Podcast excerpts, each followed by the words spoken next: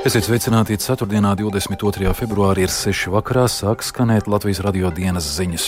Studijā Egars Rozenbergs daži temati, kas izskanēs turpmākajās minūtēs. Latvija aizliedz vietējiem patēriņam Krievu un Baltkrievu graudus un lobarības produktus. Saima paziņojumā atkārtoti pauž atbalstu Ukrainai. Knabrosina apsūdzēt bijušo centrālās vēlēšana komisijas vadītāju un divus esošos komisijas darbiniekus par krāpšanu lielā apmērā.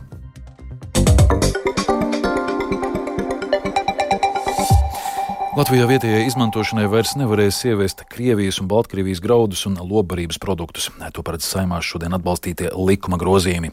Lēmumu papildina bažas, cik efektīvs būs šis jaunais regulējums. Vairāk Jāņa Kīņša sagatavotajā ierakstā. Arī laikā, kad Ukrainā turpinās karš, Latvija ir otra lielākā Krievijas lauksaimniecības produktu importētāja visā Eiropas Savienībā. Pārtraukt Latvijā ievest Krievijas un Baltkrievijas lauksaimniecības produkciju vai asins graudus nesen protestos prasīja arī lauksaimnieki. Saimas budžeta komisija virzīja likumprojektu, kas paredz apturēt abu agresoru valstu graudu un lauksaimniecības produktu importu patēriņam, pārstrādē vai tirgošanai Latvijā. Ap 90% no kopējā Krievijas lauksaimniecības produktu importa Latvijā pērn veidoja lobarība, graudaugi, kaltēti zirņi un rapi apšveļa. Tiesa Latvijā paliek apmēram 1,4% no Krievijas ievestajiem graudiem. Savukārt plašāk par lobarības produkciju šādu datu zemkopības ministrijai nebija. Šī produkcija arī pēc likuma izmaiņu spēkā stāšanās turpinās Latvijas ķērsot tranzītā, un pēc atmuitošanas to varēs vest uz citām Eiropas Savienības valstīm. Atmuitošanas aizliegumu centās panākt opozīcijā esošā Nacionāla apvienība. Citādi šim likuma izmaiņām būšot simboliska jēga, norādīja deputāts Artūrs Butāns. Ir tranzīts, kas šeit neapstājoties dodas cauri, un tad ir tas, kas šeit atmuitots. Viena daļa paliek Latvijā uz vietas, diemžēl.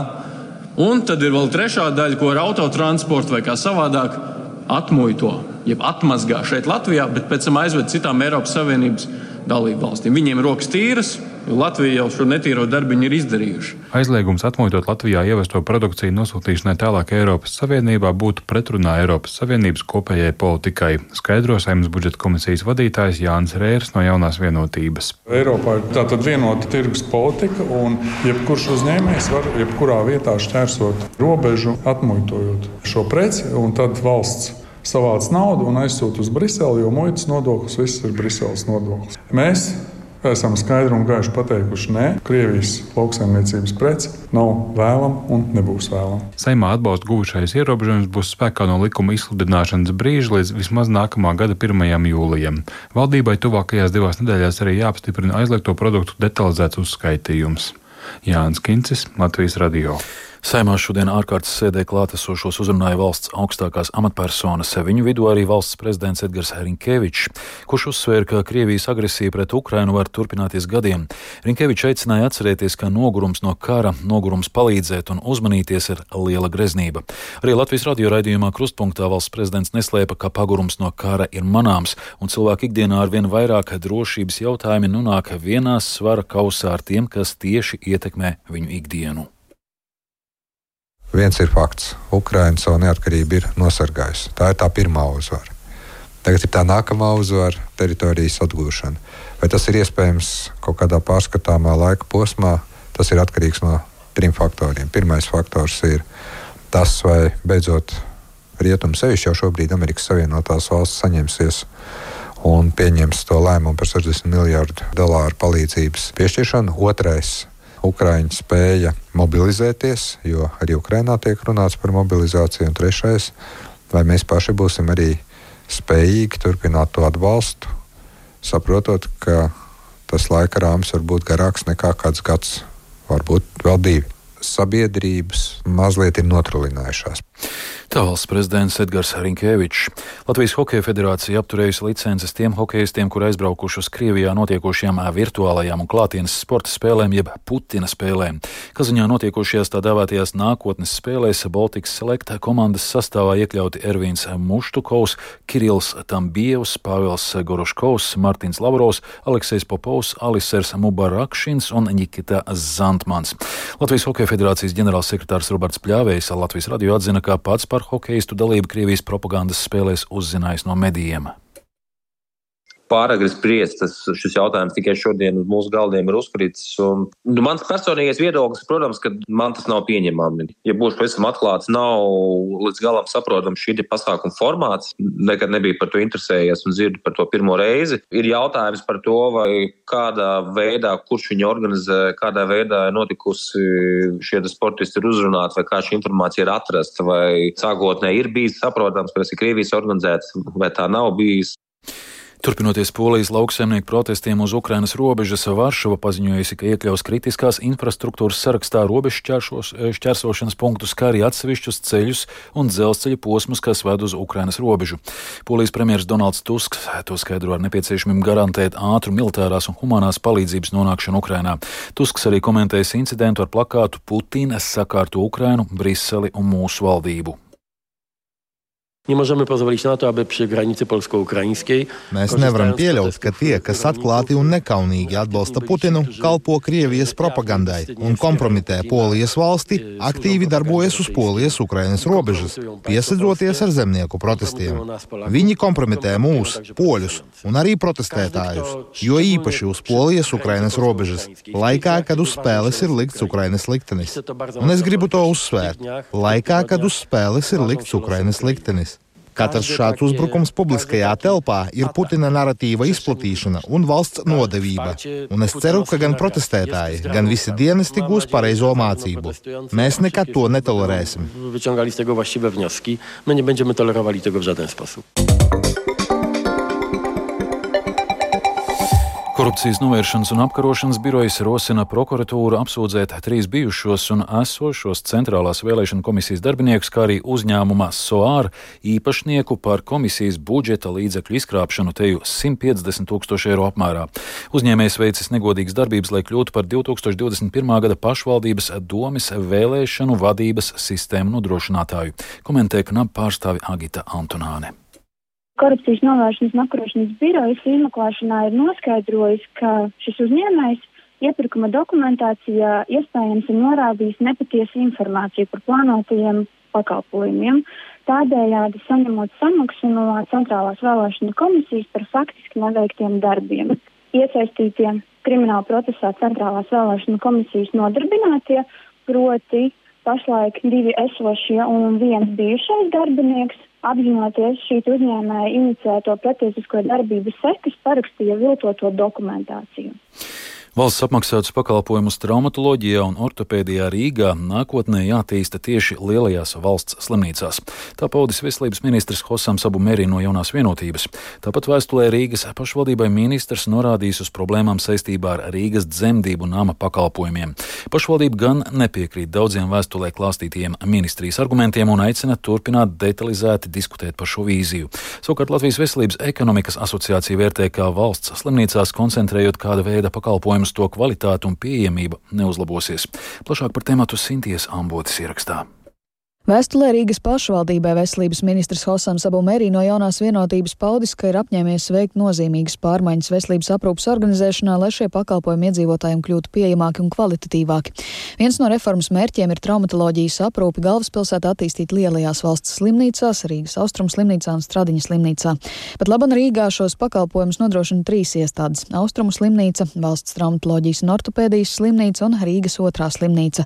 Vēstulē ministrs arī norāda uz nepilnībām Rīgas Rīgas dzemdību nama pakalpojumos, par ko neizpratnē ir iestādes pārstāvi, bet Latvijas radioabuma arī atzina, ka publiskajā telpā un pašvaldībā viņa rakstītais vēstulē ir pārprasts, jo runa ir par nākotnes vīziju un diskusiju par to, nevis kādiem tūlītējiem reformas soļiem. Latvijas Veselības ekonomikas asociācijas valdes priekšsēdētāja Daiga Behmane vērtējot ministra priekšlikumus piekrīt, ka pat laban Rīgā veselības pakalpojumu sistēma kopumā ir sarežģīta daudzo iestāžu atšķirīgās pārvaldības formas dēļ, taču politiski nosakot, kur un kādi pakalpojumi tiks koncentrēti, tas nerisinās to pieejamības problēmas. Tāpat veselības ministrija vēstulē norāda, ka esot vairāk kārt tikusies ar Rīgas pašvaldības pārstāvjiem, lai rosinātu arī paplašināt aprūpes gultu skaitu Rīgā, jo pieprasījums pēc hronisko pacientu aprūpes, paliatīvās aprūpes un rehabilitācijas ilgtermiņā tikai palielināsies.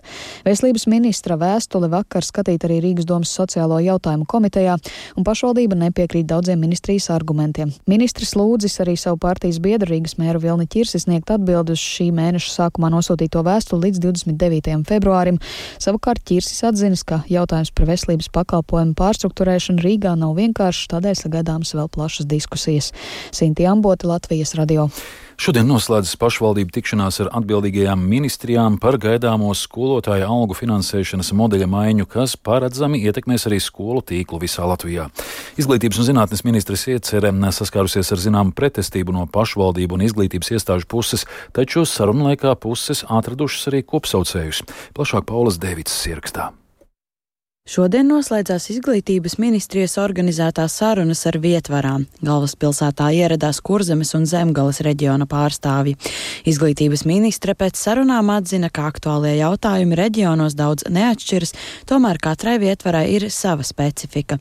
Turpina Dienvidu Kurzemes domas priekšsēdētājs Aivars Priedols no Zaļo un Zemnieku savienības. Ja tā ir, ka mums apvienojot astoņus novadus ar to pagātnes mantojumu, kur katrs kā gādīgs saimnieks ir uh, sacēlis visas tās ēkas, ēkas, kas ir nepieciešams uh, separāti novada dzīvei, tad tas mums ir apgrūtinājums un mantojums. Un mums pēc iespējas ātrāk jātiek pašiem skaidrībā, kur mēs ko varam atļauties. Priedols gan stāsta, ka kopumā skolu tīkla sakārtošanu atbalsta. Tam piekrīt arī Jēkabpilī.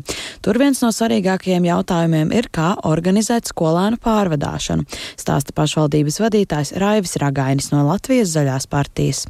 Visi saprot, ka tas tīkls ir šobrīd jāsakārto tā atbilstoši vismaz desmit gadiem uz priekšu. Jā, nu, lai, lai bērni saprastu, kādā skolā un ko iet. Mums, protams, ir problēma, ja mums ir jāpērk autobusi un ministru Eiropas komisija nosaka, lai vismaz 50% no autobusiem līdz 30. gadam būtu bez izmešu. Tā ir varētu būt problēma, jo katrs autobus maksā vismaz reiz trīs pret uh, parasto autobusu. Jēkabpilī doma nolēmusi mainīt Krustpils pamatskolas juridisko adresi uz variešu sākumu skolu, lai valsts finansējuma saņemšanai būtu nepieciešams mazāks skolānu skaits. Izglītības ministrijā gan skaidro, ka šādi noteikumus apiet nevarēšot. Pašvaldībās atzīst, ka kopumā šis sarunu cikls bijis vērtīgs, jo devis sajūtu, ka valdība reģionus uzklausa. Savukārt atbildīgajiem ministriem tagad ir vairāk informācijas par dažādiem problēmu jautājumiem vietvarās. Turpina izglītības ministre Anda Čakša no jaunās vienotības. Tas, kas man dažreiz uztrauc, ka pašvaldība saka, nu tas notiks dabiski, kāpēc jūs gribat uh, kaut kur iejaukties, lai tas notiek dabiski. Bet dabiski ir liela nestabilitāte vecākiem. Vai tā skola būs nākošais gads, vai viņa būs pēc diviem gadiem. Man liekas, ka tas vadītais process ir, ka jūs izstāstat, jūs skaidri varat parādīt, te būs skola, tā ir ilgspējīga skola, tur būs laba kvalitāte. Nokļūt uz skolu varēs tā, tādā laikā. Mēs nodrošināsim autobusu, mums tur būvēsim jaunu skolu, ja vajadzēs, vai būs eh, kur palikt, būs interešu izglītība. Un to visu izstāstot, es domāju, arī iedzīvotājs, kuram rūp savu bērnu izglītību, par to mm, nu, būs pilnīgi citādā attieksme. Sarunas ar vietvarām noslēdzās šodien, taču tālāk darbs jāturpina valdībai pie normatīvā regulējuma izstrādes. Paula Dēvica, Latvijas radio. Un vēl no jaunajiem elektrovilcieniem pasažierus pat labanā var pārvadāt mazāk nekā puse. No 17 sastāviem 9 ir salūzuši vai tos testē pēc defektu novēršanas. Uzņēmumi atzīst, ka būtiskākās kļūmes ir ar vilcienu elektroniku un dažādiem sensoriem, bet lūko par vilcienu ilgajām problēmām domā Rīgas centrālajā stacijā uzrunātie pasažieri. Tie ir pilnīgi jauni vilcieni, viņiem tiešām būtu jāstrādā, un mēs tik ilgi viņus gaidījām. Kāpēc? Kāpēc viņi nestrādā? Kāda problēma? Man tas nepārsteidz ar iepriekšējā vilciena iepirkumu. Mums bija analoģiski, kad mēs vēl parādā palikām. Par savu naudu viņi var darīt, ko viņi grib. Nodokļu maksātāju naudu gribētos, ka nopērk pareizos. Jo ir iemesls, kāpēc mums Volvo ir izplatītākā marka. Tāpēc, ka viņi nu, ziemeļderīgāka ir. Nu, ar vilcieniem vajadzētu būt analoģiski. Cik es zinu, arī citās valstīs ir bijušas problēmas ar vilcienu ieviešanu. Domāju, tik ilgi? Eksperts. Es neesmu eksperts, lai to teiktu. Pašlaik es neesmu nokavējis nevienu vilcienu. Es varbūt es domātu citādāk, ja es būtu kādu svarīgu tikšanos nokavējis. Uzņēmumā pasažieru vilciens apgalvo, ka vilcienu precizitāte šomēnes ir uzlabojusies, tādēļ esot samazinājies arī kompensāciju pieprasījums no pasažieriem. Izskan Latvijas radio dienas ziņas, producents Edgars Kupčs, ierakstus montēja Kaspars Groskops par labskaņu rūpējās Mārtiņš Paeglis, studijā Egars Rozenbergs vēl tikai par laikapstākļiem. Galvaspilsētas centrā plus 4 grādi lēns dienvidu vējš, atmosfēras spiediens 755 mm, relatīvais gaisa mitrums 86%. Kāds laiks gaidāms turpmāk, prognozēja Ilze Golubeva. Nedēļas izskaņā Latvijā kļūs siltāks, lietaināks un arī vējaināks. Arī piekdien debesis aizklās mākoņi, kā naktī tā arī dienā daudz viet līs un gaiss naktī atdzīs līdz plus 1, plus 6 grādiem, bet dienā maksimālā gaisa temperatūra gaidāma plus 3, plus 8 grādu robežās. Brīvdienu naktīs gaisa temperatūra pazemināsies līdz 0, plus 5 grādiem, bet dienlaikā termometra stabiņš sasniegs plus 4, plus 10 grādu atzīmi.